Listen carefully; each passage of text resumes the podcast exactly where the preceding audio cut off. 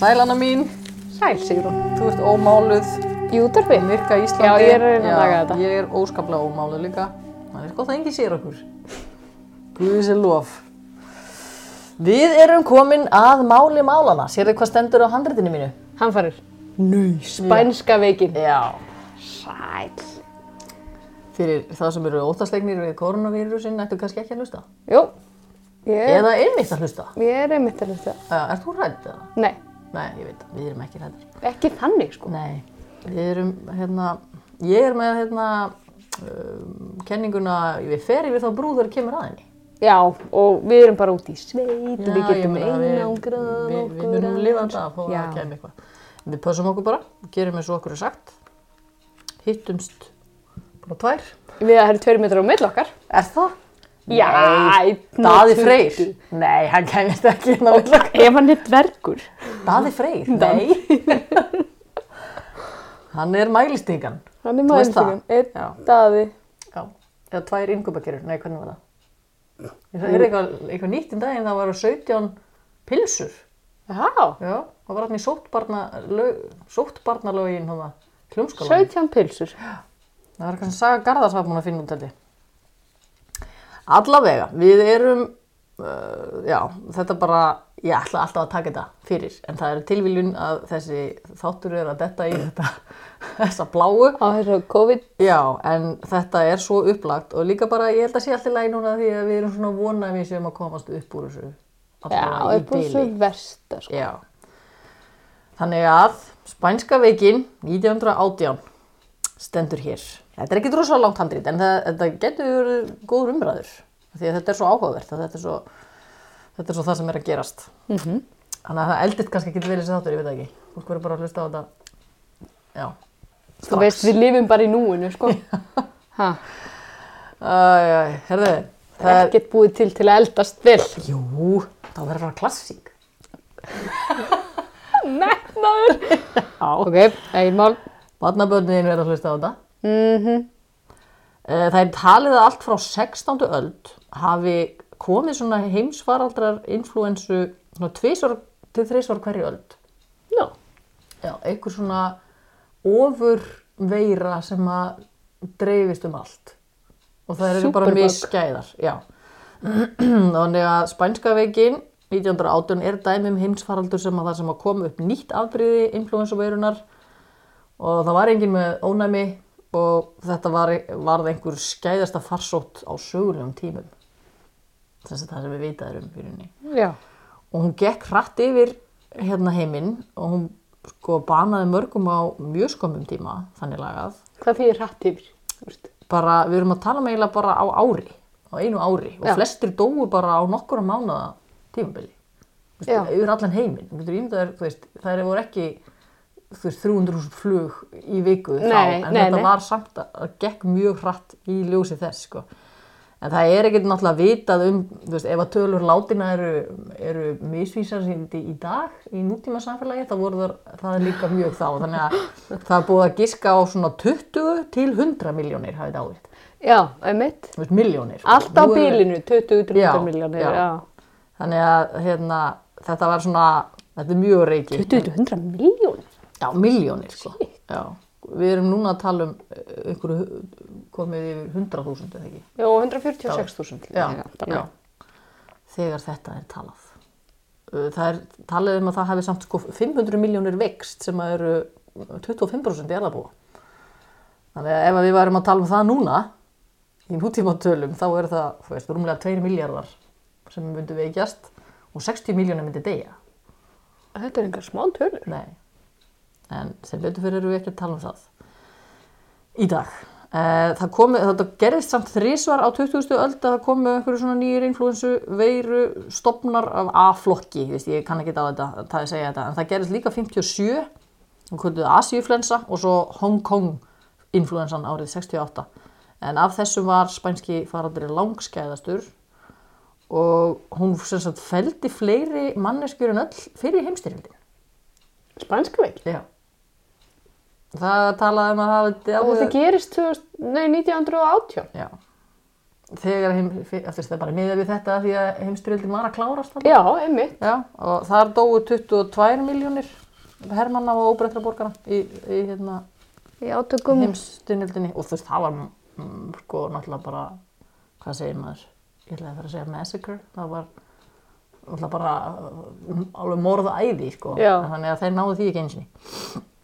Það er samt talað um að svarti dauði sem var þarna um miðjan 14. öld sko dánarhlutallið var hærra í svarta dauðunum en heimsbyði var náttúrulega mjög færri þannig að sennilega dóu færri í svarta dauðunum Já. en hún, hann drap sennilega helming Já, það er já. ennþá meira, veist, döðsfall dánartíðin er hærri en það er ekki eins margir þannig að það er svona spurning hvað þú vilt segja að hafi, sé versta pestin ef við getum deilt um það uh, sko þrátt fyrir þetta nafn spænska veikin sem maður alltaf heyrt Mhm. uh, þá kom hún ekki frá Spáni Nú, nei, það er, það er bara púlitískur áróður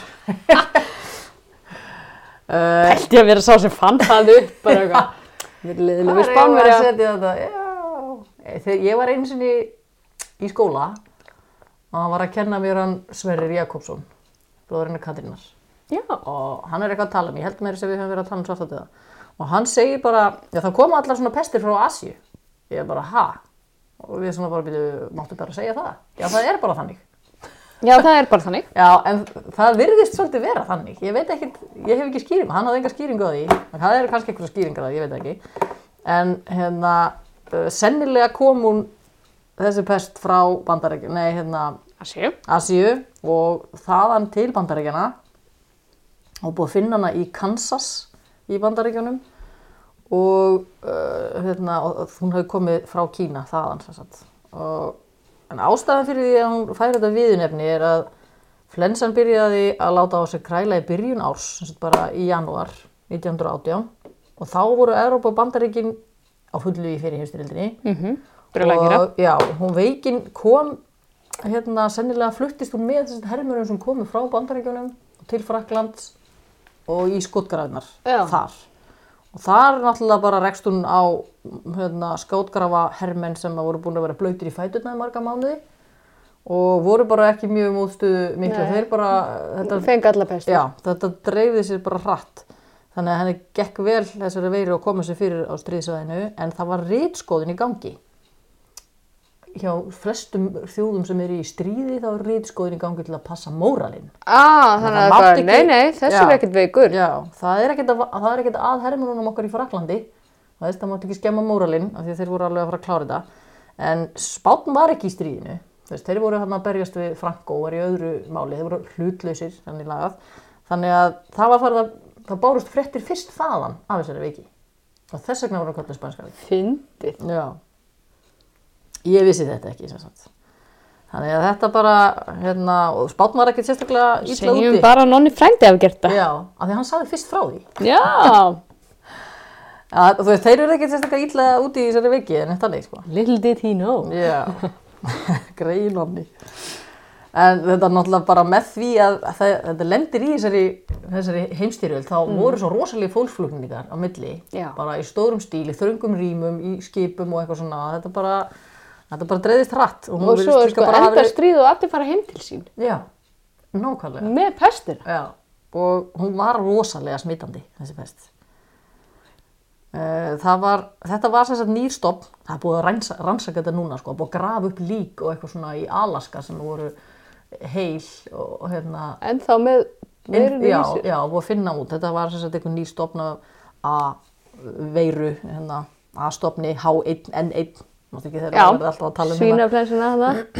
var H5N1 held ég Eh, þannig að þetta var eitthvað svona sérstætt sem að menn höfðu litla mótstöðu gegn og það urðu veikindir urðu margfald meiri heldur en í venjulegum influensasýkingum en flestir dóu samt sko úr svona fylgikvillum sem fylgdi í kjörfarið og sérstaklega var. Já, já. Þannig að veiran endilega hérna, draf ekki fólk heldur það sem að koma á eftir. Já, bakteríusíkingar eða Já. eitthvað sem að, já. En sem sagt nýlegar rannsóknir sína að veiran sem allir þessari veiki var fugglaflensa, veist, þetta verðist vera algengt líka. Fugglaflensa sem að allt í einu stökkbreytist og getur færst yfir í menn. Já, Uh, og þetta gerðist 97 fannst fugglaflensa, þessi H5N1 þá fannst hún í fólki en hún hefur ekki náð að sko, hún náði ekki að breytast þannig að hún gæti smítast á milli manna heldur bara úr fugglum og í menn já, já, svo er það næsta stig hjá henni í rauninni að komast á milli manna já, já. að hérna, Og ekki, og það er eins og þið manni sé í með heila já, það er ógætt að hugsa til þess þetta er náttúrulega ekki með heila það er bara að reyna allar aðferðir bara, hvað, hvað er að gera og það er engin bara. svona sellufundur þar sem allar veirurnar eru saman bara, heyrðu, nú hérna verðum við að komast hérna yfir á nýlendur. já. Það er að vera full krátið fyrir okkur hér í þessum fuggli. hvernig getum við dreift okkur sem, sem best? Það er svo tölvuleikurinn hérna. Þú getur um tölvuleikin þess að þú ert veira og þú ert að reyna Jú, að ég var búin að heyra um hann, ég er ekki... hann var bannaður í Kína þegar þetta kom upp þar. Að þú ert veira og þú ert að reyna að stökkbreyta þér og þú ert að reyna að drepa sem flesta út og komast á hafnir, þú ert að reyna að dreifa þér þú ert að reyna að leggjast mjög hratt á vísindamenn og þau, þær þjóðir þar sem er líklast að myndu finna bóluefni Ok, þetta er mjög leik, já, þetta er mjög spooky. Þessi leik var búið til áður en þessi flensa kom upp sko. eða var Er það búið að, er búið að ræða við þá? Ha? Er þetta samsæri? að ræða við þá já, en þessi fuglaflensa og svínaflensan sem kom svo upp setna 2009 þeir líktust spænsku veikin í tölvert sá faraldur en hann var, virtist ekki hafa náð sér svona strik og var ekki svona smitandi en það sem er kannski óhugulegast við þetta er að þessi spænska veiki hún gekk yfir heiminn í þremur bylgjum Já, 1918 og 1919 það er það sem við erum í raunin að reyna að koma í veg fyrir að það gerist já, núna. Svo sko. fyrsta var sem sagt um vorið og það veiktist alveg tölvert mikið af fólki. Uh, en hún var ekki svona mannskæð eins og þessi sem kom setna. Og setni bylgjan barst til Íslands, þess að í, hérna, nei þessi, þessi bylgja hún kom til Íslands og fólk veiktist bara svona eins og vennilegri flensu. -hmm. og, en það fólk sem fekk þessa flensu þá, bara eitthvað svona beinverki og í hál- hálsi og hita, það var ónæmt fyrir næstu. Já, bylgju. ok, já, já. Já, en hún virtist sko næsta bylgja sem kom um haustið og um veturinn, kom hingað og var langmannskæðust að þessum þrejum bylgjum. Hún virðist þá stökkbreyst eitthvað -hmm. og orðið svona miklu hættulegri en fólki sem hafi fengið fyrri típuna var ónæmt fyrir henni. Uh, sagt, til Íslands kom hún uh, bara 19. oktober og þá árið 1918 var Ísland Er það bara vita, Já, veist. já, hún gekk á land. það eru vitni. Það er vitni. Já, þess að þá er Ísland bændasamfélag. Uh, við vorum 90.000 talsins þá og 60% af því fólki bjó í sveit og hinn 40% í ykkur svona þéttbyggliskjörnum. Reykjavík var þá stærst, hún var þá með 15.000 íbúa. Hvaða bæjarfélag í dag er með 15.000 íbúa? Hvað er Akureyri með? Átjón Já, þúsund. já.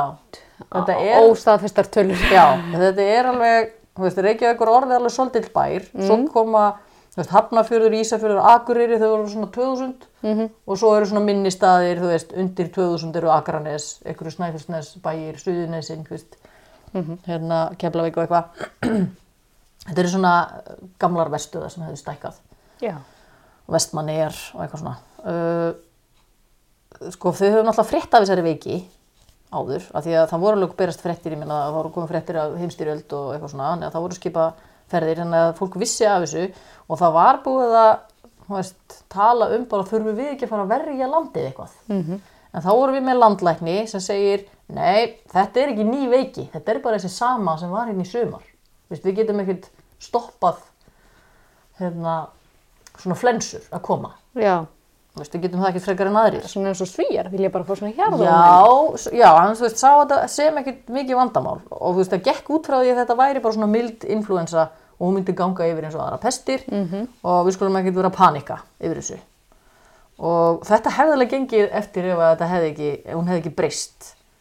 Og þannig að það voru engar takmarkanir varandi fólk sem var að koma frá útlöndum. Það voru alveg tölur verið að skipa fyrir. Það var náttúrulega Þú veist, það var erfitt að sigla á stríðstímum, þetta var aðeins að komast í laga því þetta var að klárast þarna, hérna stríðið. Þannig, en landlæknir nátt eftir að fá mikið hátur og hérna, skammir fyrir þetta, veist, eins og bara er alltaf kannski. Þannig að hún kom sennilega, ég veit ekki okkur að koma þrjú skip til landsins, nákvæmlega 19. oktober, og var sama dag og Íslandingar samþýttu fullveldið í greiðslu. Þá voru þess að tógarinn Víðir sem kom til Hafnafjörðar og tvö flutningaskip til Reykjavíkur, Villemose sem kom frá Bandaríkjunum og Botnia frá Kaupmannahöfn. Það virðist hafa farið læknir um borð uh, því það voru einhverju veikir en hann sagði þetta sama. Þetta er bara þessi flensa, veist, látum þetta bara, þetta er ekkert vandamál. Og þá er sagt sko mm, í skýrslu frá landlækni segir stúlka kom með skipinu og lagðist hún degi eftir komu sína. Hún var líklega fyrst í sjúklingurinn en hún hafi hitt bróður sinn áður en hún lagðist strax sama daginn lærisvein á velstjóraskólanum þegar hún kom. Hann síktist einu til tveimur dögum síðar og svo hver af öðrum lærisveinum velstjóraskólans og svo skólastjóri. Þannig að þetta Og bara verið hittir hann. Já, bráðsmitandi, Já. já.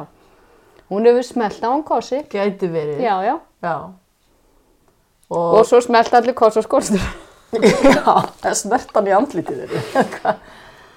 og sko þá, sagði, þá var sagt sko áður en skólastjórin lagðist, þá talaði hann við mann út á götu og hann viktist skömmu síðar. Ég veit ekki hvort hann hefur kýst hann eða hvort. Tekið hendur á honum. Já, og hann sagðist ekki vita um neina aðra á- ástæðu til þess að smítast en bara að talað innan mann út í bæ.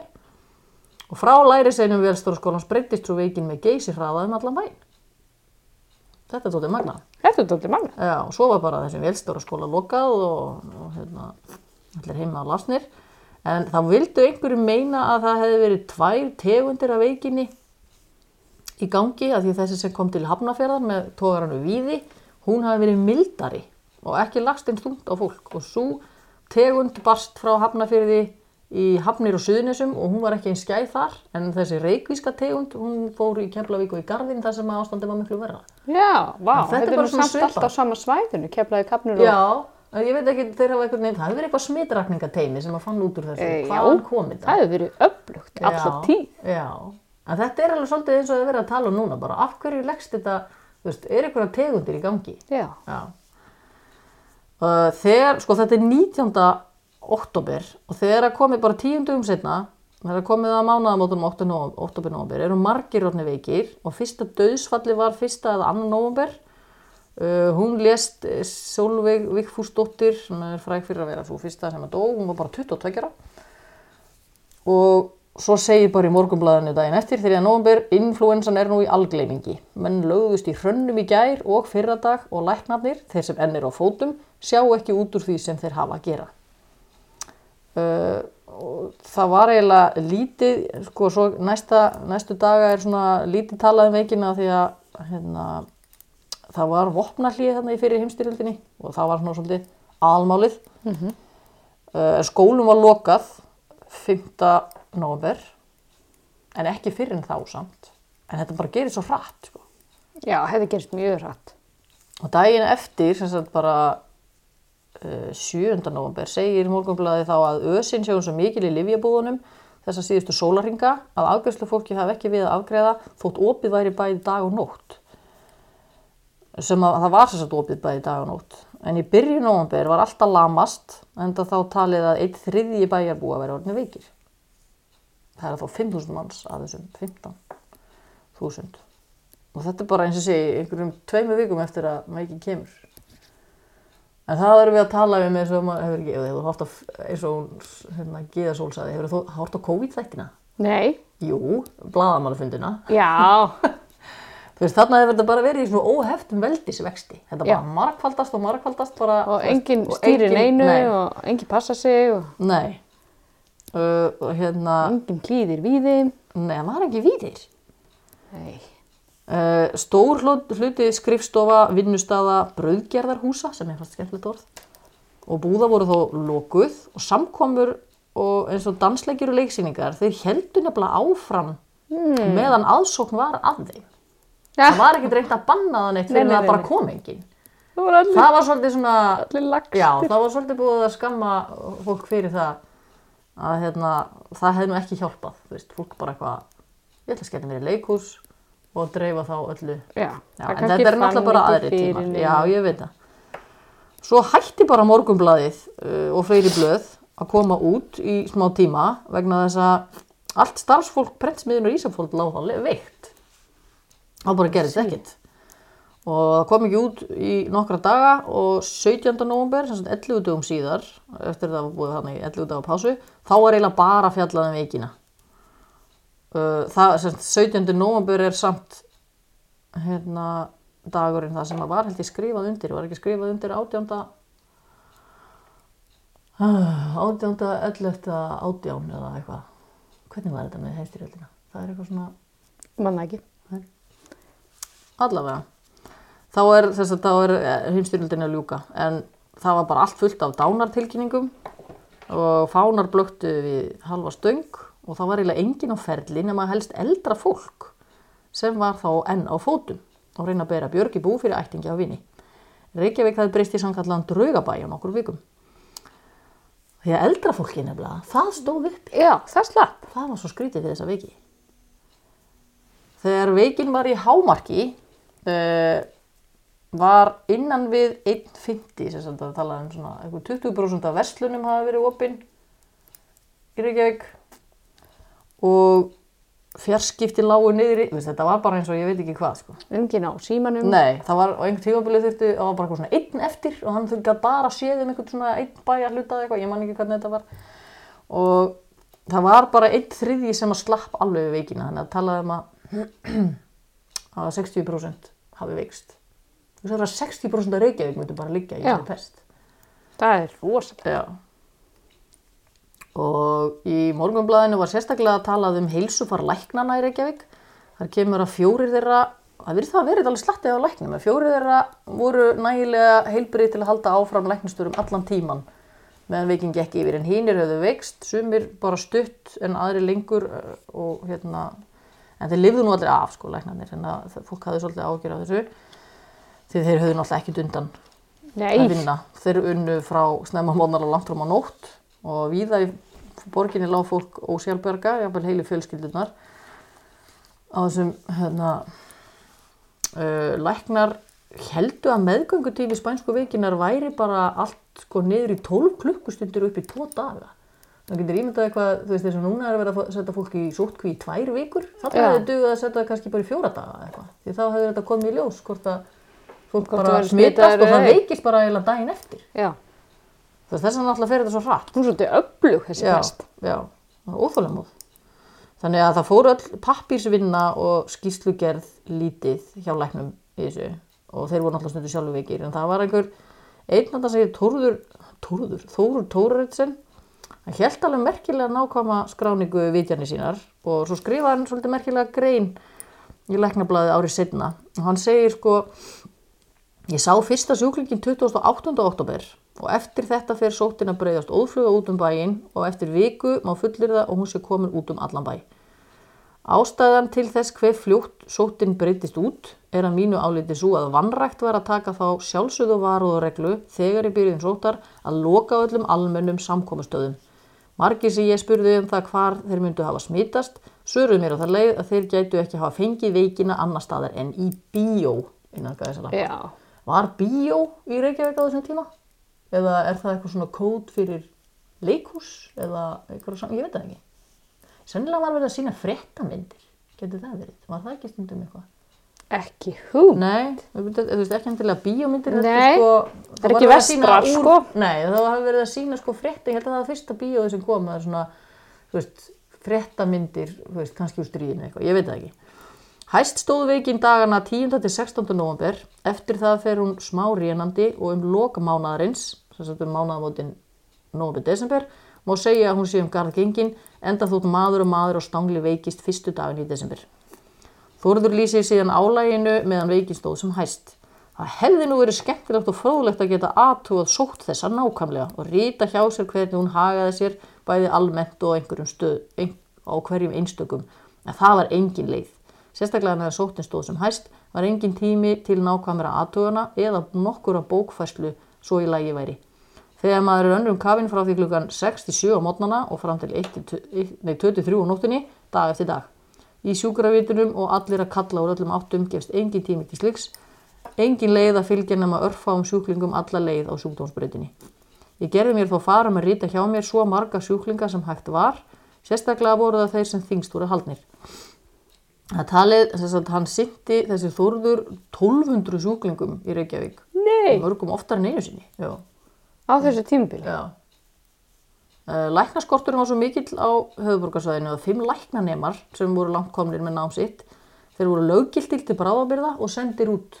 Já, af því að það bara var engin og eitt þeirra var, hann hétt Pall Vafge Kolka og skrifaði setna æfisögu sína sem heitir Úr myndabók læknis og þar uh, fer hann svolítið yfir þetta hann var sendur til Keflavíkur það var bara engin, Keflavík og Garðin á meðan á vikinni stóð og segir frá því, það er alveg svolítið skemmtilegt að lesa sko. Að þetta var alveg magna sko. hann bara eitthvað svona óharnar hann, bara, veist, hann var alveg að bugast, það er bara ég geti þetta ekki ég er bara hringin í Já. andlækna og segja ég bara ég ráð ekki við þetta Þetta er bara hann mikið. bara eitthvað heima, veist, ég veit ekki hvað hann hefur verið veist, 20 og eitthvað með hérna konu og lítið barn já. heima og hún var ný, stigin upp úr flensunni held ég og, en hann, hann held þetta nú út og hérna já, það sem að svo gerist nefnilega daldið áhugavert. Það var uh, neyðin í Reykjavík var það nokkrum dögum ólýsanleg. Það er þekkt saga af þeirri hörmulugu aðkomu á heimili þar sem heimilisfæðin lág fárveikur með óráði. Konan var látin í rúminu og hjá henni hjöluðu tvö unga börn hjá líkinu. Já, Oj, þetta? jú, ég veit þetta. Uh, fjárhærsli staða heimilega í Reykjavík var ekkert sérstök fyrir Reykjavík, þú veist, þetta er, þetta er ekki ekki... Burgeisabær, Nei, nei. nei. kafbótahernaðir í fyrir heimstyrlildinni og almenn vandkvæði í millilandasiglingu allir mikillir verðbólgu í landinu.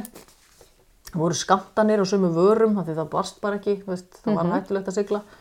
Og við vorum ekki að ná að selja náttúrulega hérna, veist, fisk og allt þetta sem var venjulegt var sem var verið að sigla með þannig að það var það, það, voru, það búið að vera kreppa og húsnæði í Reykjavík var frekar bábórið, það hefði lítið verið byggt undanfarið og fjölskyldur byggu oft mjög þröngt við slæmar aðstæður í köldum og illa kynntum húsakinnum Ekki skrítið, það er verið vikt. nei, þetta var til þess að smit barst jafnvel hraðar á milli fólks því það var svo þétt og svo bara fyrir að vera með lúnabólgu í sakka húsi Já, já. og enga kyndingu jafnvel, og ekki til að kynda með þú veist, það náttúrulega bara segir sér sjálft að Fyrir bara eina leið. Já. En þann 8. november þá let landstjórn Íslands af því að það er náttúrulega ekki ríkistjórn af því að við erum ekki sjálfstæð þjóð en það er einhver landstjórn. Mhm. uh, í samráði við borgarstjóra, það var borgarstjóri, það er skemmtilegt líka. Og lauruglustjóra Reykjavíkur, þeirra tíma víðir, vantarlega, Þeir eru tíma viður. uh, stopna sérstaklega hjúkurna nefnd sem átt að skipulegja nöðsilega mannúð og störfi í bænum. Það var einhver Lárus H. Bjarnason, lagaprófessor, sem átti frumkvæði að stopnun hérna, þessara nefndar. Það var einmitt tengdadóttir hans tilvörandi sem að dó fyrst, þarna þessi Solveig. Já. Og hann tók við fórustu í þessari nefnd og let hendur standa fram úr ermum. Hann skipti bænum í 13 hverfi og setti sérstakann eftirlætt mann yfir hvertira. Og sama dag og nefndi var stopnuð gengur þessir eftirlitsmenn í öll hús í Reykjavík til að kanna heilsufarið, veist, taka bara stöðuna. Þetta fólk skilaði svo skýslu til nefndarinnar um kvöldi þar sem kom greinilega fram hversu alvarlegt ástandi var. Það var skortur á læknum, hjúkurnafólki, livjum og nöðsynjum á heimilin. Bara mat og kyndingu Já, líka. já, já. Og nefndin setti upp bækistöð í slökkvistöðinni sem ég er, veit ekki alveg hvar var, hún er alltaf nýri bæmynd býst ég við og hafði þaðan samband við læknaða nóttu og degi og var svona miðstöð og engin eiginlega af þeim læknum sennilega bara einn sem, læk, hérna, sem störfið í Reykjavík höfðu bíl Já, það er náttúrulega við erum lítið af bílum samt komið þarna sko en, en það voru einhverjir bílar til og þeir fóru yfirleitt um gangandi eða hjólandi ég veit ekki ekkur þeir voru ekki ríðandi Nei, Nei, það var allavega að tala um að þeir hefur verið gangandi eða hjólandi sem hefur skemmtilegt líka. Það er örgulega erfitt að hjóla í fóra göttum. Já, af hverju voru þér eitthvað hesti? Ég veit ekki. Eh, Þannig að það var forgangsmál hjá nefndinni að útöða þeim bíla til að komast þeim sem hraðast á, um bæin og það var sem sagt gert.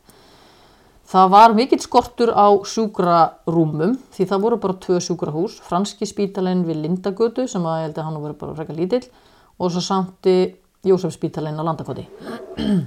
og það var brugða því ráð að breyta barnaskóla Reykjavíkur eh, sem líka kallaði miðbæjarskólin eða tjarnarskólin veistu mm hvað þetta er? Þetta þetta er alveg svolítið stórt hús.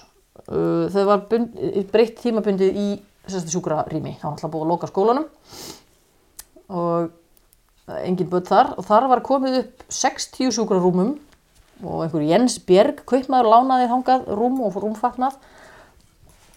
Þetta var svolítið svona bara allar hendur og dekk Já, Já, mér finnst þetta, Að þetta, er gaman að lesa þetta nefnilega. Þessi spítali var á tveimur hæðum, þetta er þryggja hæða hús held ég, og svo eldhús í kjallaranum, þar sem var eldað fyrir sagt, sjúklinga og þaðan var hafraseiði fyrir almenning útdeilt. líka. já, já. E, í einni álmu skólans var settu barna- og munaðleysingja heimili, eða svona, já, kannski ekki beint munaðleysingja heimili, en það var sett fyrir veik eða heilbrið börn sem höfðu ekki neina, neina aðstandendur heima fyrir til að sinna þeim Já, þú veist það, því það voru allir veikir annarkort gætt fólk verið dáið eða lægi á sjúkrahúsi eða veikt heima eða eitthvað og af einu heimili komu sjö börn þar sem fársjúkmóður þeirra hafði enga möguleika á að sinna þeim guð mig góður. Já, og svo var sapnað svona á meðal almennings fötum og leikfengum handa þessu börnum hjá almenningi og oftar en ekki fóru þau betur klætt þaðan en þau komu. Það dó eitt barn á þessu barnaheimili en það barn hafði mitt, mist báða fóreldar sinna úr veikinni líka áður. Já, já. Uh, Hjúgrunarnefndin gaf eða lánaði peninga til livjakaupa og annar nöðsynja, útlutaði dósamat, haframjöli, aspirinni, kínin og hóstasaft. Það, það vildi bara einhvern veginn, ég held að hann bara vera hálfgerð tilviljun að apotekin voru nokkuð vel sett að þessum livjum. Að þessi liv voru helst notu til að meðhundla flensuna. En ég veit sko í rauninni ekki hvað, ég hef hvergi séð það hvað læknarnir í rauninni gáttu gert. Hvað þeir voru. Þeir voru með þetta, þetta eru ykkur verkja eða hitastillandi liv Já. aspirin, kín og hústasatt eitthvað svona til að lína þeir gátu í rauninni ekki lækna nokkuð gert? og það var einmitt það sem þessi Páll hérna, Kolka sagði, hann sagði bara þú veist, oft var þetta bara svolítið að stappa stálinn í fólki, að þú veist, þú veist að læknirinn kemur Mhm. -hmm. og fólk hefur trú á lækninum og hann segir hérna, Þú munt jafna já, þig á þessu." ekki gera þetta passa, mátt ekki fara á snemma stað og eitthvað svona og það, þetta er svona svolítið bara svona sefjin hálfgerð mm Mhm. -hmm. en það, það hann sagði stundum þurfti það líka bara Já. þú veist, þegar þú veist ekki veist ekki hvernig þetta virkar þú veist það bara því að þetta er náttúrulega það er enginn séð þetta. Svona veist heimili liggi bara flatt allt og, Það er náttúrulega alveg rosalega. já. Uh, það þurfti líka að skipulegja starf lauruglunar og sjálfbóðilegina sem buðu svo fram til að flytja sjúka á sjúkrahús eða látna í líkhús. Og líkhúsin urði fljóðlega full. Það var vantarlega ekki verið neitt sérstaklega stór Að. Nei, og þá var uh, tekin einhver vegavinnuskúr frá hennu ofinbera og fluttur í kirkjugarðin og notar það sem viðbóta líkhús en þau fóru samt að sapnast upp um meðan november líkin og sum þeirra þurftu að vera í geimslu í meira en tvær vikur. Ekki í kæli, Ekki. held ég, nei. En það er náttúrulega kuldi. þetta er um er í. Og, en yfirleitt voru margar jarðafærir á hverjum degi og tvísvar, og ég held að þetta sé einu dæminum það bara í íslensku sögu sko allavega svona í rítæri sögu voru tvísar voru gerðar fjöldagrafir þetta er hópgrafir að átján lík voru grafin 20. november og sex lík daginn eftir og þetta eru einu líkin held ég sem veit að erum að líka í fjöldagrafum á Íslandi Já. að þetta er að gerast í New York núna. Já. hugsaðu þér það Það er rosalegt. rosalegt Það er rosalegt. Það í er rosalegt. það er rosalegt, já. Já. svona í nútímanum þú veist bara, ha, er þetta bara Er virkilega nöðsynlegt að vera með fjöldagraf. Já, að þetta er allt í sem sagt, hérna, kirkjugarðinum hérna, niður í hérna, Hólavalla kirkjugarði, Já, já. gamla, draugalega, hérna, sem er svo flottur og það, þetta var eini kirkjugarðin þá og allir sem að létust úr spansku vikinni eru grafnir þar í rauninni, svolítið sem dói í Reykjavík.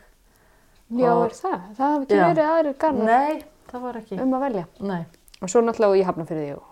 já.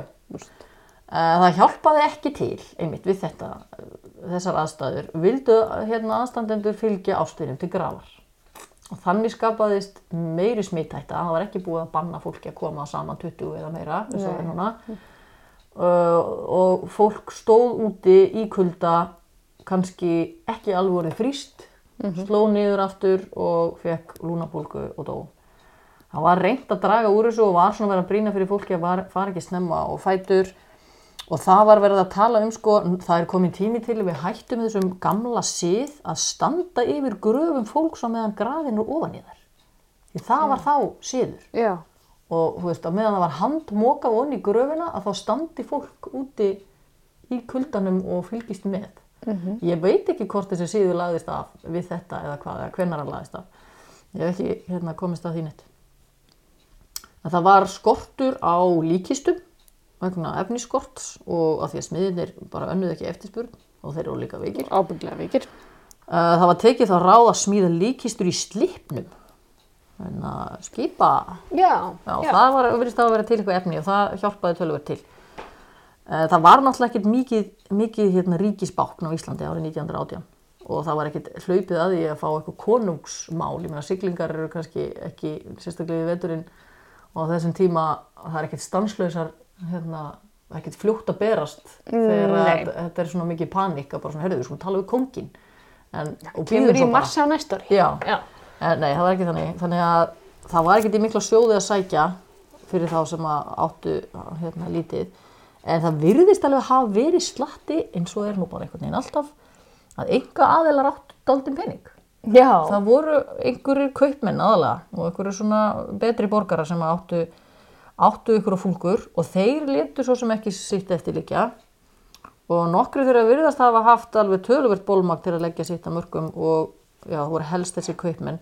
Og stopnaður hjálpar sjóður handa þeir sem voru veststattir og ég hef sopnuðist fljótt, fljótt stórar fjárhæðir. Og fyrir þetta var keift ólíja, kól og matværa mat, já, og margir kaupmenn lánuð eða gáfu fyrir matvöru og öðrum nöðsynum og meðan byrðir eldust og sumi settur hreinlega upp eldhús þar sem eldað var og útlitað til þeirra sem þurftu að halda. Já. Svona soup kitchen. Svona. Já. Engum ætti að koma óvart að það var aðtapnamaðurinn Tóri Jensen sem var stórtækastur í þessu sem öðru. Veist hver hann er? Já. Hann Ég held er, er afi, langafi hérna Guðmund og Tór, hérna Rithundar, neða hérna Guðmundar andra.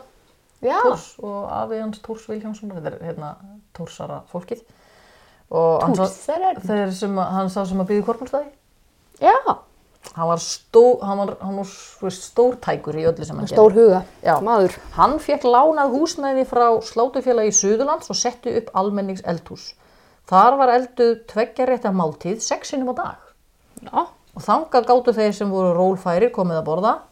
Uh, Sjálfbóðulegar báru svo út kjötsúpu og mjólkurgraut þaðan til þeirra sem að gátu ekki komast að heiman. Eldhúsi var starfrækt fram að áramótum, þá þurfti SS að nota húsið aftur. Sem sagt. En þá er þetta náttúrulega líka bara, nánast, þá er þetta gengið yfir, þetta er sem er búinn. Það var útlutað þúsund máltíðum á dag þegar mest var. Já. Þegar hægt var að smala saman í áhöfn, þegar það voru nóg margir orðnir hressir til að komast á sjóin, af því það hefði enginn farið á sjóin í, í einhverja, Vá. já, þá var þess að tógarinn Kveldúlfur sem hann átti, hann, hann tór, e, sendur til að veiða á vegum bæjarins og hans og allur aflinn var svo kyrður út um. Bara Og gefin í. Ná, hérna, þannig að fæstir höfðu fengið nýja fisk í langan tíma. Eh, Þessi Páll Kolka hann skrifar í bókinni eftirfarandi sem ég fannst, ég skrifaði bara orðrétt hérna sem ég finnst áhugavert í ljósi tímans. Hörmungar á hættu sem dinja yfir í einu og flestum að óvöru. Sína vanalega mennina í nekt sinni, vesaldóm þeirra og hetjuskap, eigingirni þeirra og fórnfísi. Þrátt fyrir allt er ekki hægt annað en að dásta því hversu hjálparstarfsemi var vel og skörulega skiplögð í Reykjavík án alls undibúnings þegar allt virtist í óefni komið en það hefur fjölda mannslífa verið bjarga með því. Svo fórtvísi og hjálpsemi sem þá kom í ljós á það fyllilega skilið að hennar sé minnst og að hún sé höfð til eftirbreytni til ef einhverjar slíkar hörmungar ættu eftir að dinja yfir Ísland eða einstakar hluta þess. Ég hef hér að framan nefnt nöfn ímissa sem stóðu í fylkingabrjósti og er maglegt að þeirra sé minnst en á bakvið þá var fjöldi nafnlausra manna og kvenna sem unnu mikið og gott sálbáðastarf bæði á vegum hjúkurunanemdarinnar og utan hennar, lögðu fram krafta sína og stopnuðu jafnvel sjálfum sér í hættu í viðleitni til að líkna og hjálpa meðbræðurum sínum í neyð þeirra á vanda. Vonandi eiga Íslendingar enn þá eðliskosti ef verulega reynir á, enda þótt ver meira beri nú á hatri, valdagræðki og eigingirni á yfirborðu þjóðfélagsins e, og meiri vinna og orka sér lögði að blása að þeim kólum. sem sagt hann svona, ég veit ekki, þetta Hann skrifa svona skammar 60 bara. Já, hann þetta skrifa svona 60-70, þú veist, hann kannski, hann Já. er ekki alveg nógu bjart sér kannski á að við myndum bregðast við aftur Nei. svona vel, sko. Ég held að, ég held að séum að taka þetta. Ég, við erum að standa okkur með við það það sem allavega hefur komið Já. upp núna, sko. Já, en mér varst þetta svona, já, þetta er áhugaverð hérna svona áminning. Svo er, ég ætla aðeins að skoða hvernig þessi veikindi lísti sér. Uh, þess, já, það skrifar hann að Þóruður læknirinn hann að Tórótsin annar í læknablaðið að algengustu byrtingamind veikindana voru nef og kokkvef án slímrenslis, sem sagt svona þurrhústi vantarlega uh, kemur skyndilega og skrýður ört niður í barka. Þetta er svona svo spennusaga. Og gerir Já. tekiobronkætis og með henni hrollur hitasótt hósti vanalega á fyrsta sólaring næsta dag hiti um 39 stig og þar yfir. Á fjórða degi hverfur hitin hóstin minkar, sjúklingi líður betur en fari hann of á fætur strax og reyni á sig fær hann oft lúnabólgu þess vegna er áriðandi fara ekki á snemma á fætur og reyna ekki á sig. Sem sagt, hérna, að því að kannski hefur það líka bara verið vandamáli þú þarft að fara út, Já. það er ekki Þú að tækifæri til að að liggja. að fara. hitin er farin, ég hérna fer bara út og neina ná í mat eða eitthvað, ég veit ekki.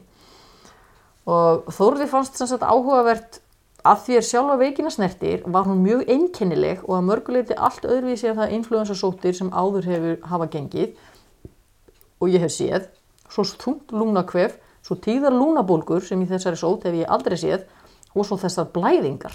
Blóðið streymdi ekki aðeins úr nösum, stundum óstöðvandi, heldur og upp úr lungum, niður úr þörmum, upp úr maga og gegnum þvagrásina. Andskotin. Já. Það er bara, fólk er bara að hósta blóði og ég veit ekki hvað. Lúnabólgan kom þótt menn læju fyrir kyrri rúmum og gettu allra varúðar. Stundum var bara, gerðist þetta bara.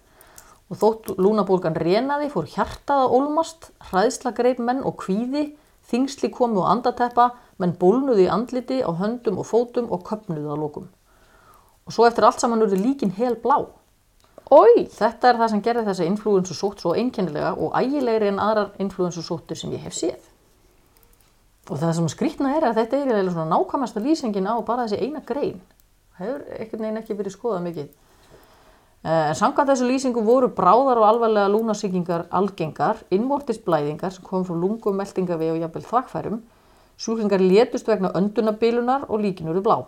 Hann lýsir einkennum blóðeitrunar. Þetta var sérst lækna, ég las sérst grein hérna, sem var skrifið í læknablaði svo, eða einhver, einhver vef lækna þess það sem einhver svona smitt, manni hvað hann heitir, Magnús. Það sem hann var svona að rýna í þetta, veist, hvernig, að svona reyna að giska út frá því hvernig hérna, Hvernig þetta hefði verið sér, já, og hérna, hann segir þetta, lý, þetta lýsir og eins og einkenni blóðeitrunar eða síklasóttar sem lýsir sér gegnan með háum hýta meðvitundaskerðingu og lost ástandi. Það er svona bara, já, það er eins og kom einhver eitrun í Já. líkamann, veist, í, í síkingunni. Þórður segir sem sagt berum orðum að fylgikvillarnir hafi valdið dauða sjúklingana öðru fremur. Um fjórðingur af skjólstæðingum Þórðar fekk lúnabólgu sem líklega orsakaðist fyrst af influensinni en bannvænar fylgisíkingar af bakterjum, ímsan lúnabólgubakterjur og streptokokkar fylgdu oft í kjölfarið. Nýlegar erlendar rannsóknir renna stóðmyndu þetta því rannsóknir á gömlum lífsínum frá lungum þeirra sem letust í spænsku vikinni benda mjög oft til alvarlegra bakterjusíkingar. Þannig að þú veist, því að veira og bakterja er ekki það sama, Já. þú veist, þá er einhvern veginn bara veiran kemur og veikir þig og svo bara, þá er bara tilbúið fyrir einhverju bakteríu að drepa þig. Kannski var þetta samvinna. Já. Já, augljóslega, sko. Já. Uh, hún var líka var skrítin að mörgu leiti í sko, þessi pest. Hún barnsáandi konur voru líklega til að deyja völdum veikinar og margar mistu fóstur. Það laði sérstaklega einhvern veginn á það. Náttúrulega ef þetta ásakar eitthvað konar blæðingu. Já, Þórður, sagt, hann syngdi 27 konum sem voru mislangt komnar á meðgöngu, 37% þeirra hérna létust. Það var alveg mikið, sko. Það er herra, mjög hærra dánarhlutu heldur en hjá öllum öðrum, sko. Og það, svip, það gerist svipað í, í öðrum löndum. Og annað sem var áhugavert við þetta, að það var að hérna, hún laðist svo þungt á fólki sem venjulega sleppur. Laðist svo þungt á hérna, Ungt og hraust. unga og hrausta fólkið. Já. Já. það er svona svipað á berglar. Það, er svona, það var ekki gamla fólkið hérna, sem fóru á berglum. Uh, hlut, sagt, meiri hlutin var á aldursbylunu 20 til 40 ára sem er, já, eins og sé, óvinnilegt. Á þeim fólk, aldrei er fólk sko frekar ólíklara til að fá slæma sýkingar að því ónæmiskerfið er stert en það, er, það var eitthvað auðvitað þetta. Og aldursbundi dánar hlutfall þeirra sýnir einnig að háa dánatili meðan ungra barna og svo lang elsta aldurshópsins, þess sem bara þeir sem hafa verið alveg gamalmenni kannski yfir 70 ára eða 80 ára þá gamalmenni en þess að eldra fólk yfir 40 ára og til kannski 70 það var hraustara, þú veist, því vegnaði betur. Akkur alltaf það. Sem er algjörlega auðvögt kannski með eins og það er núna. Ég, ég veit það ekki, það er eitthvað skritið það er ekki fyllilega ljóst hvað olli henni háu dánatíðni í þessari viki. Þetta var ný vera vera, Vera. og, og náttúrulega bara ekkert, eða lítið hér ónami hafði átt sér, hérna, þátt í að vikin breytist hratt út þessu til viðbútar hafa komið kenningar um, fram um að kröftu, kröftu bólgu viðbröð í ónæmiskerfinu sjálfu hafi ráðið miklu um að hérna, fólk var svona alvarlega veikt. Og los, þetta er eitthvað svona sem ég skil ekki alveg losun bólgumiðla verður þá of mikil og ónæmissvarið fer úr böndunum. Það er svona eitthvað, þetta rugglar eitthvað í ónæmiskerfinu þegar maður verður kannski til þess að fólk sem er með gott ónæmiskerfi það, það virkar ekki eins og Það verður allt í einu með slæmt. Já, já. Sko rannsóknir benda líka til þess að þeir sem viktust af spænsku veikinni náðu sér, þeir hafa verið með mjög öflugt mótefni alveg, hvist, þó til að vera fjölgamalt, sko. það Já. var eitthvað kannað svo löngu setna, en það var ennþá Að það var- með ónæmi. Já.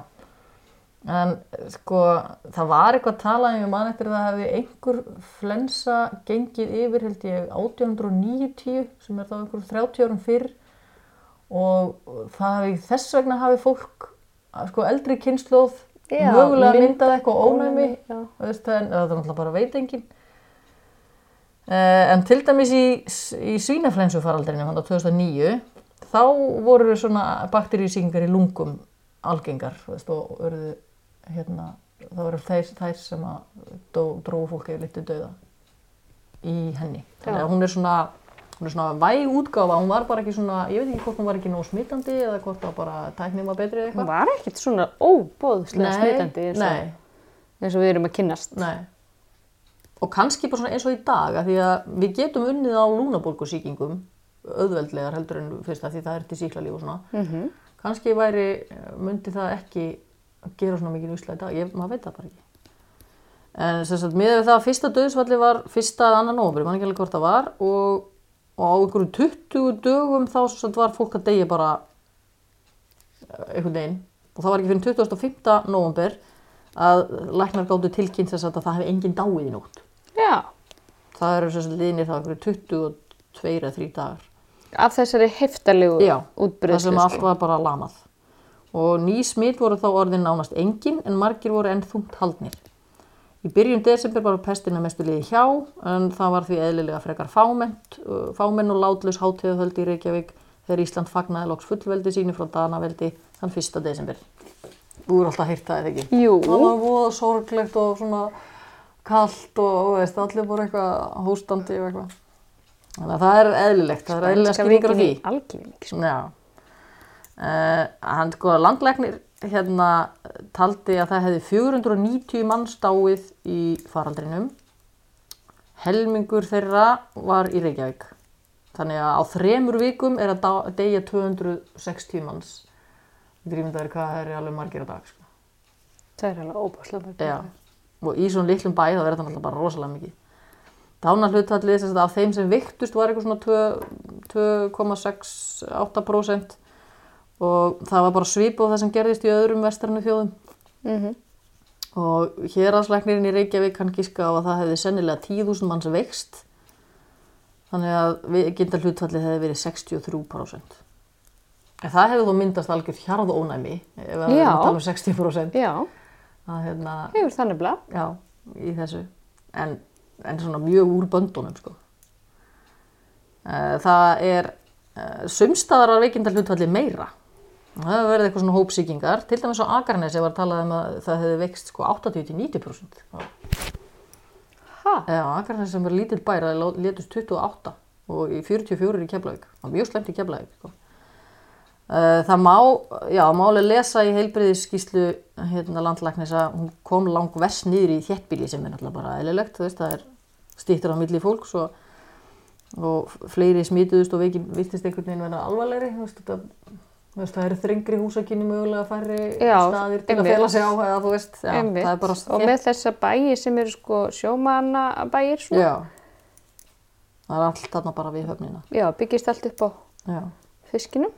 Og ef við myndum sérst færið yfir á höfuborgarsvæðið í dag, að við segjum að það búi ykkur 230.000 íbúar á höfuborgarsvæðinu, og ef að 60% þeirra myndu síkjast, þá verður það 150.000 manns.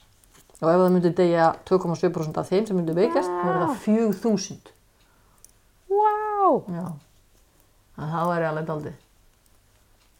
Daldið mikið. En veikin sem hún kom misýtla við fólk á landsbyðinni og vestanverðu landinu, þú veist, hún slapp, slupp, hérna, sumir bæi sluppu alveg, ég held að með svo snæfell þess að við alveg sloppið. Afleðingarna voru slæmar helst þarna á suðu vesturhóðinu og það var gripið til ferðatakmarkana, sóttvarna, sérst heimamenn þeirra ákveðu bara, herðu, við lókum bara holdt að vera heiði, það Já. fer bara enginn að koma hérna yfir Er enginn yfir heiðin? og hínum megin sko vestur yfir Jökulsá var bara lokuð og því að það, það var frekar einfalt því að það var ekki búið að brúa ána. Já. Allt Tökum var bara bátinn. Já, nákvæmlega. Nei. Nei, ég tek því ekki yfir. Uh, þetta var að, að veikin barst ekki til norður uh, Östurlands hérna og þannig að þeir sluppu alveg og lengi vel voru skip sem sildu frá Reykjavík þú komu eitthvað í norður, þeir voru sett í sótkví í sótkví nokkra daga. En það var alltaf miklu einfaldara því að þetta gengur svo hratt yfir. Já, því- daga, því því dagar í sótkví og þú ert nokkuð safe.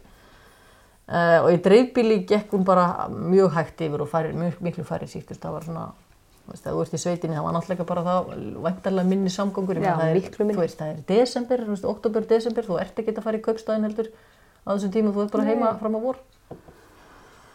Mm, svo er spurning hvað við getum lært af þessu. Hvað getur lært af Hvað þessu? getum við lært af þessu? Anna? What? Erum, við- erum við ekki í fræðslu podcast? Ég- Ó, jú. Hvað ætlar að kenna mér Ég af ætla þessu? að kenna þér, nei, ég ætla bara að kenna þér hvað samfélagi hefur lært af þessu. því við lærum kenna alltaf mér um af þetta, þá svona. er þetta leið. En þá. Sein viðbröð heilbreyðis yfirvalda vegna veikinar urðu mörgum umhugsunarefni en það er auðvelt að vera vitur eftir á. Já. Þekkjum það nú.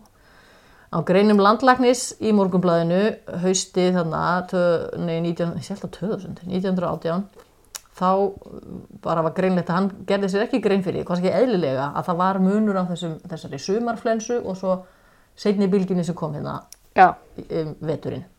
En það var ekki gripið til neins samkomiðbans eða lokunar úr skóla fyrir um seinan. Landslækni til málsbóta má benda á að erfitt að einangra landið á fullnægandi hátt, til dæmis að flytja hefði þurft veika skipverja í land. En það hefði náttúrulega verið hægt að reyna það, ég segi það ekki, og náttúrulega bara brína fyrir fólki að vera ekki að óþörfi að bara, snertast. já, einmitt. Að það er líka sko Tvekja aðstöðu, metra reglan. Já. Hreinlætið. hættið að kissa fólk. Í alveg. Já. Enga tungu. Vissir að menn í hérna Já, áður, þeir, voru alltaf að kissast. bara beint á munnin. munnin. Já, það var bara, þú veist, þeir áhugavert. bara á munnin. Já, fullorðni menn, en kannski hafa þeir hættir. Ég veit það ekki. Um, það, sko, það var náttúrulega lítið, lítið um sjúkrahús og það var þröngt í heimahúsum og það er náttúrulega bara átti hluta, eh, hlutamáli að þetta fór hrætt yfir. Og, en spænska veikin hafði mikil áhrif á viðbröð landsmanna gegn farsóttum næstu áratígi en það eimdi lengi eftir að hryllingnum sem henni fylgdi. Ný sóttvarnalög voru sett í nokkrum árum setna, 1923, en þá höfðu menn átt að segja á mikilvægi og gagnsemi sóttvarna. Áratug síðar voru samþygt ítarlegri lög um sóttvarnir sem voru í gildi næstu 45 ár. Ok. Það þýðir að, já, einhvern tíman hafið, þú veist, verið, þau er náttúrulega vel að vera endur skoða þetta. Og þótt þjóðfélagsgerð hafi víðast hvar gerbreyst í öllum heiminum á 21. öld, er spænska veikin enn sá faraldur sem þjóðir heims geta lært hvað mest af þegar viðbrasáallanir fyrir næstu heimsfarsótt influensu eru undirbúnar. Það hefur verið mikið starfunni hér á landi sem lítur meðal annars að byrðahaldi, samgöngum, miðlun upplýsinga og þjónustu við sjúka. Segir í lokgreinar, já, hann heitir Magnús Gottfreðsson, já, sérfræðingur í smittsjúkdömum, hann skrifaði sem sagt þessa grein eh, í- nei, 2018 þegar það voru 100 ár liðin frá veikinni. Þá var svona var að melta upp svona, þú veist. Já, hvað er sögunni, eitthvað svona hvað ef að gerist og eitthvað. Og þá sé uh, það er líklegt, þá saði hann þá það er líklegt að alvarleg influensu eða veirutegund komi aftur en hins vegar sé erfitt að spá um fyrir um hvenar afar mikilvægt sé að hafa góða innviði og heilbriðiskerfi ef það gerist. Mhm. Og svo segir hérna, nákvæmlega, það var líka verið að pæla í þessu hérna í fréttum rúf þá 19. oktober sem eru 100 áram eftir að skipin sem fluttu spænsku veikina til Íslands lögðust að landi, þá er viðtal við Þórólf okkar Guðnason, sótvarnalækni. Já, Uh, hann segir sem að heilbreyðisauðvöld hafi lengi búið sig undir mögulega heimsfaraldra. Þannig að þeir voru langt undan okkur með þetta. Jésús. Og hann segir þetta, þetta beint, beint frá honum. Viðbúnaður hér hefur staðið yfir mörg ár. Við settum fyrstu viðbrasáallum 2006 við heimsfaraldri. Uh, landlæknir og ríkislauruglustjóri vinna saman aðgerð og útfæslu landsáallunar. Það er sagt náttúrulega íðistild. Lauruglan er alltaf með. Og þar er unnið í samstarfi marga stofnanir og sveitafélög við að greina hvernig eigi að halda innviðu samfélagsins gangandi ef til faraldur kemur. Hann kemur örgla, við vitum bara ekki hvenar. Þetta er eins og með eldgósin, segir Þórulur. Hann segir að viðbrasáallanir gangi út á þrennt. Í fyrsta lagi er reynd að koma í vekk fyrir að fólk smitist með til dæmis bólusetningu og lífjögjöf. Í öðru lagi er reynd að grípa til aðgerða sem tefja framgang veikinar, þar á meðal hreinlætisaðgerðir, notkun, notkun hlýðarbúnaðar og samgöngutakmarkanir. Í þriðja lagi er unnið að því að tryggja að innviðir samfélagsins haldist í gangi. Þetta er bara allt. Þetta er já, bara- við erum bara að með dunda við þetta. Já. Viðbröðin við heimsfaraldri yrðu ekki aðeins inni á sjúkrahúsum því að þau myndu fljótt fyllast við vestu aðstæður, segir Þórulur. Mest verða viðbröðin út í samfélaginu við að reyna að koma í vekk fyrir að, eða takmarka smitt. Svínaflensu faraldurinn sem gekk yfir hinsböðina 2009 síndi að heilbreyðistofnun eins og landspítalinn átti fullu fangi við að ráða við vægan faraldur eins og hann var hér sem segir að stofnanir og sjúkrahús munu fyllast þá þarf að eiga við þessa faraldra á samfélagslegum grunni. -hmm. Og þetta fannst mér bara, við finnst þetta svona tröstveikjandi svolítið. Já, og þetta er líka það sem er að gerast. Já. Það verður svona Já, í fólki. Já, og það er bara svona, herru, þetta er sig. að gerast, við erum með plan. Við erum mm búin að gera plan Já. og við gerum þetta svona. Við þurfum ekki að finna upp hjóli þegar það gerist. Nei, nei. Nei. Eh, Það er einhver maður hérna, einhver maður, heitir Gunnar Þór Bjarnason, er að skrifa bók um spænsku vikina sem kemur sennilega setna í ár, held ég, og þá geta, getur fólk lesið sér til um þetta, einhverja Þetta hryllingssögur og sér til. hann hefur væntalega ekki vita hversu skemmtileg tímasetning er því að sem bókarlöngu byrjar að skrifa hana. En hann segir sko, spænska veikin var mjög ofalega í huga fólks hérna, í ár og jáfnvel áratugi og eftir. Ég held að við munum tala um COVID-19 ekki bara í nokkra vikur, heldur mörg misseri og ár. Uh, ég held að það sennilega sé alveg rétt. Já, já. það þarf líka að vinna úr þessu. Já, veist. það er margt held ég sem að ég, hérna, ég hef trú að við munum, hérna, margt muni breytast til batnaðar. Það er margar svona stofnarnir og þjónustur sem að er koma með nýja lausnir. Það er bara ekki Það er hægt, svo að fara til hægt læknis í fjárfundi, akkur er, er það ekki hægt? Mennilega. Það er heldur ekki hægt að halda áfram í risaðilinu, sko. Nei, Verandi búin að Já. dýfa aðeins puttunum og já, niður. og það er margt sem að mun sennilega ekki ganga tilbaka. Nei. En samt, sko, ég sakna samt mannlegra samskipta. Já, það er náttúrulega að sakna maður mest sko. Heyrður í fréttan að vera að tala um sko, hérna, mannfræðingur og pæling hvort að handabandið myndi leggjast af. Mm. Af því það er svona sennilega kannski bara áfram út árið verður fólk svona ekki mikið að snerta ókunnigt fólk. Af því þú, þú ert að heilsa fólki kannski með handabandi sem þú hefur ekki séð áður eða þú veist, svona formlegt. Já, já. Ekki fólki sem þú ert beint að knúsa eða umgangast dagstæðlega. Þannig að það er svona spurning, er maður að því? Ef Er það, hvernig byrjar það aftur eða byrjar það eitthvað aftur? Er- Verður það eins og kossar herramanna? kossar á munnin og þetta verður bara eitthvað svona, öð, voru þið að heilsast með handaband? Já. það verður þannig. Já, Eftir, eftir hundra ár bara. Æ. já, fólk bara eitthvað að snerta hendunar á fólki. Það var í mynd hérna með Söndru Bullock og... Já, hérna, Sylvester Stallone. Var það Sylvester Stallone? Já, Demolition Man, já, það var stórkostlega mynd. Já, voru þið alltaf að gera það? Já, mitt, það er alveg ekki að sko. En kannski, kannski eigum við eftir að, hérna, ég, maður vonar einhvern veginn að, þú veist, við eigum eftir að þakka fyrir heilbreyðis starfsmenn meira. Já, já. Og hérna, Ég er nú eiginlega alveg viss um það. Já, og kannski leggja meira í það, kannski, en mér finnst til dæmis eins og, sko, mér finnst þess að þetta muni afhjúpa mögulega, sko, ruggludalla í stjórnmálum. Mm. Sér að það eru svona ruggludallar eins og fó- fórsetar ímissa landa, Ímiselanda. nefnum ekki nöfn, mm. fórsetar áherrar, sem tala, tala sama tungumál. Mm -hmm. Uh, og ein- eins og svona, veist, sem eru búin að vera að segja, þú veist, sko, tala niður vísindamenn. Já, og bara í loftslagsmálum eða einhverju, þú veist, já, vísindum er bara rugglutallar, þú veist, eitthvað svona, við skulum ekki hlusta á það, hlustum ekki á sérfræðinga, ég veit þetta betur, Já. við erum duglegir, við gerum þetta bara sjálf, þú veist, eitthvað svona, pínulítið svona eh, spark í rassin á svoleiðis fólki, Já, bara svona, þetta er- þetta er- þú veist, þið getið mögulega ekki vitað allt sem að sérfræðingar sem búin að eyða áratugum mögulega í að, þetta er gott fyrir vísindarsamfélagi. já, kannski, já, ég hefði trúið því, að fólk svona bara, já, kannski borga sig að hlusta á sérfræðinga og ekki vera alltaf með bara pólitík í fórgreini. Bara kannski, ha, borgar sig. Eitt heyrði ég líka fyndið að hérna hjá henni Berglindi vinkon okkar sem að senda okkur hatuspóst reyndar. Heyrðu Ok, það? Nei. Nei, ég koma já, í þá eftir þegar ég klára það. Hérna, þegar Berglind hérna sagði einmitt búin að vera að vinna heiman, býrði í Nóri, búin að vera að vinna að heiman í einhverja fjóra vikur með börnin æpandi í bakgruninu og svona eitthvað, að það kemur bara í ljós að sumir fundir, þeir gáttu bara að vera tölupóstur.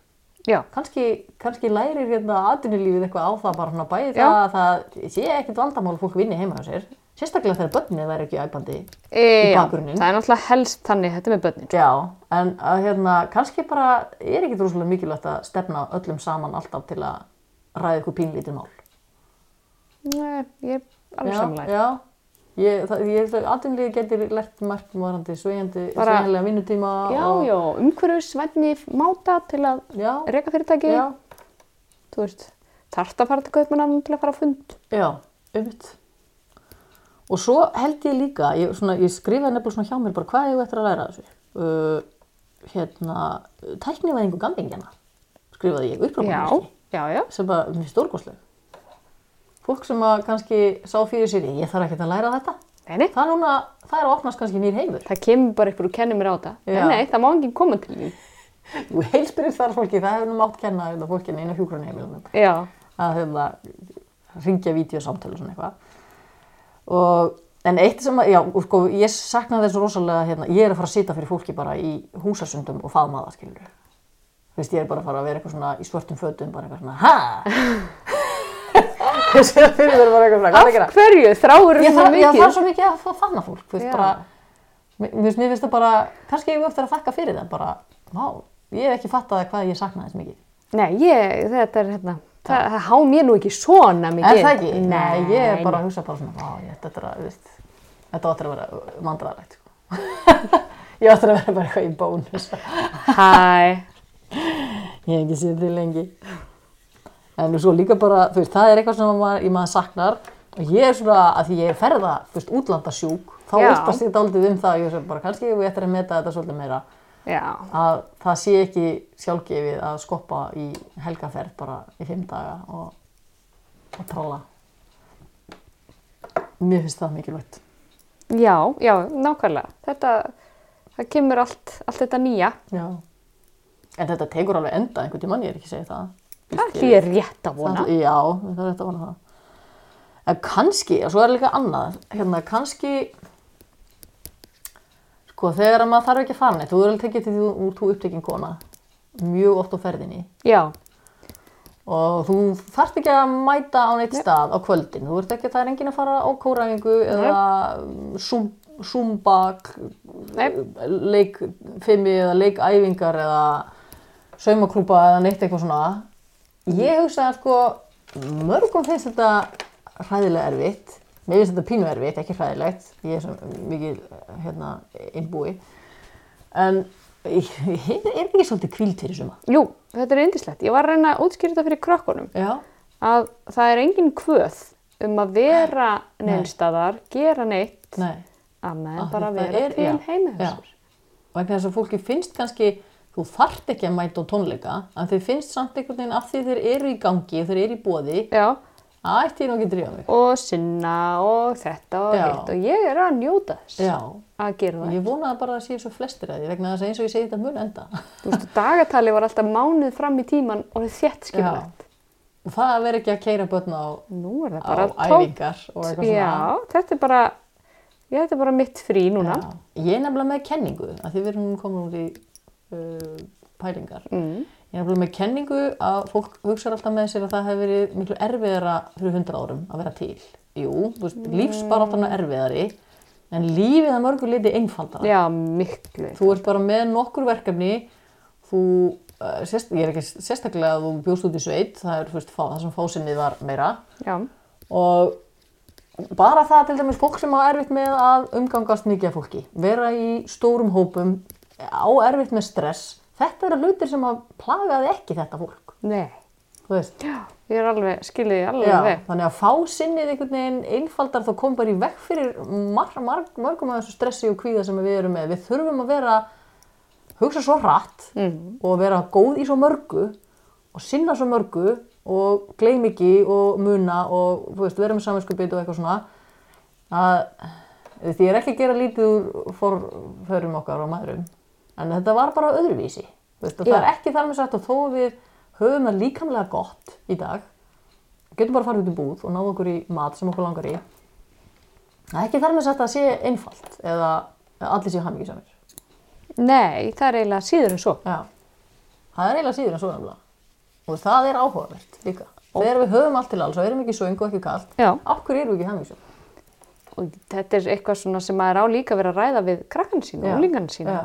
Og, bara alla, öll hotnin af þessari veiru og einveru Já, já. sem er komin. Líka bara, e, þú veist, hvaða, hvað ertu búin að tilengja þér í, í mat Já. eða dóti eða efnisíkju. Já. Eða hversu mikið þú þarf að halda huganum uppteknum Já, til þess að hugsa ekki um óþægilega hluti. Ég þekki fullt af svoleiðis fólki. Verður dapur á að vera með sjálfum. Einmitt. Hvert ætlar það að flýja?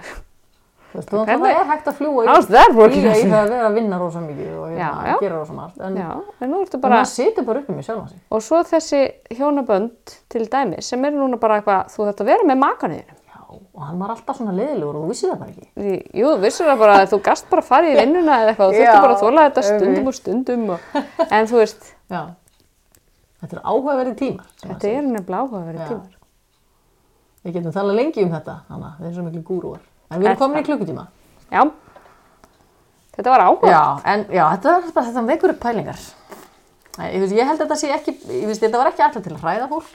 Heldur bara, við erum bara svona, við erum, Til að fræða myndi Já, ég segja því veist, ég bara gerði mér ekki grein fyrir hvers, hvers, hversu bráðsmitandi Nei, svenska nei. var sko.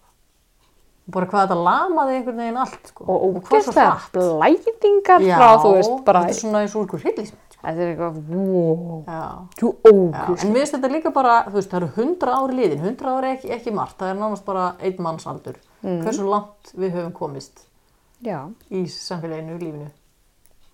á hundra ára En haturspústurinn var það, mannst ekki, hún sendi okkur snapp hún, hérna, og sagði, skammaði mig fyrir að halda því fram að fnjóskadalur væri í fljótonum. Þannig er það sannarlega ekki, hann er hínum með við vaðlaheiði. já, Hann er þarna þingið að síslu megin. hann er það svo sannarlega Guð, já, ég skammast mín, ég býst afsökunar og þetta var þau haturspústur. eru alltaf í njóskdælingar Fnjóstæringar sem eru allir að hlusta okkur. ég átti ekki að vera rít sko, ég átti bara að vera að hlusta Nei, haturspústurinn átti að berast til þín, mástu. Já, já Ég tek, bara við aðdóndabrið. S- sendið alla hattuspósta annadröfnat.gmail.com Æ, nei. þetta er bara skemmtilegt Já, herðu, við höldum áfram að vera bara góð svona í fjarska, Já. í fjarlægð. já, hættum að kýsast á munnin Já. Við erum alveg að hætta því. Eða, eða, heyrðu, þetta er komið gott í þetta er dag gott í dag, herðu.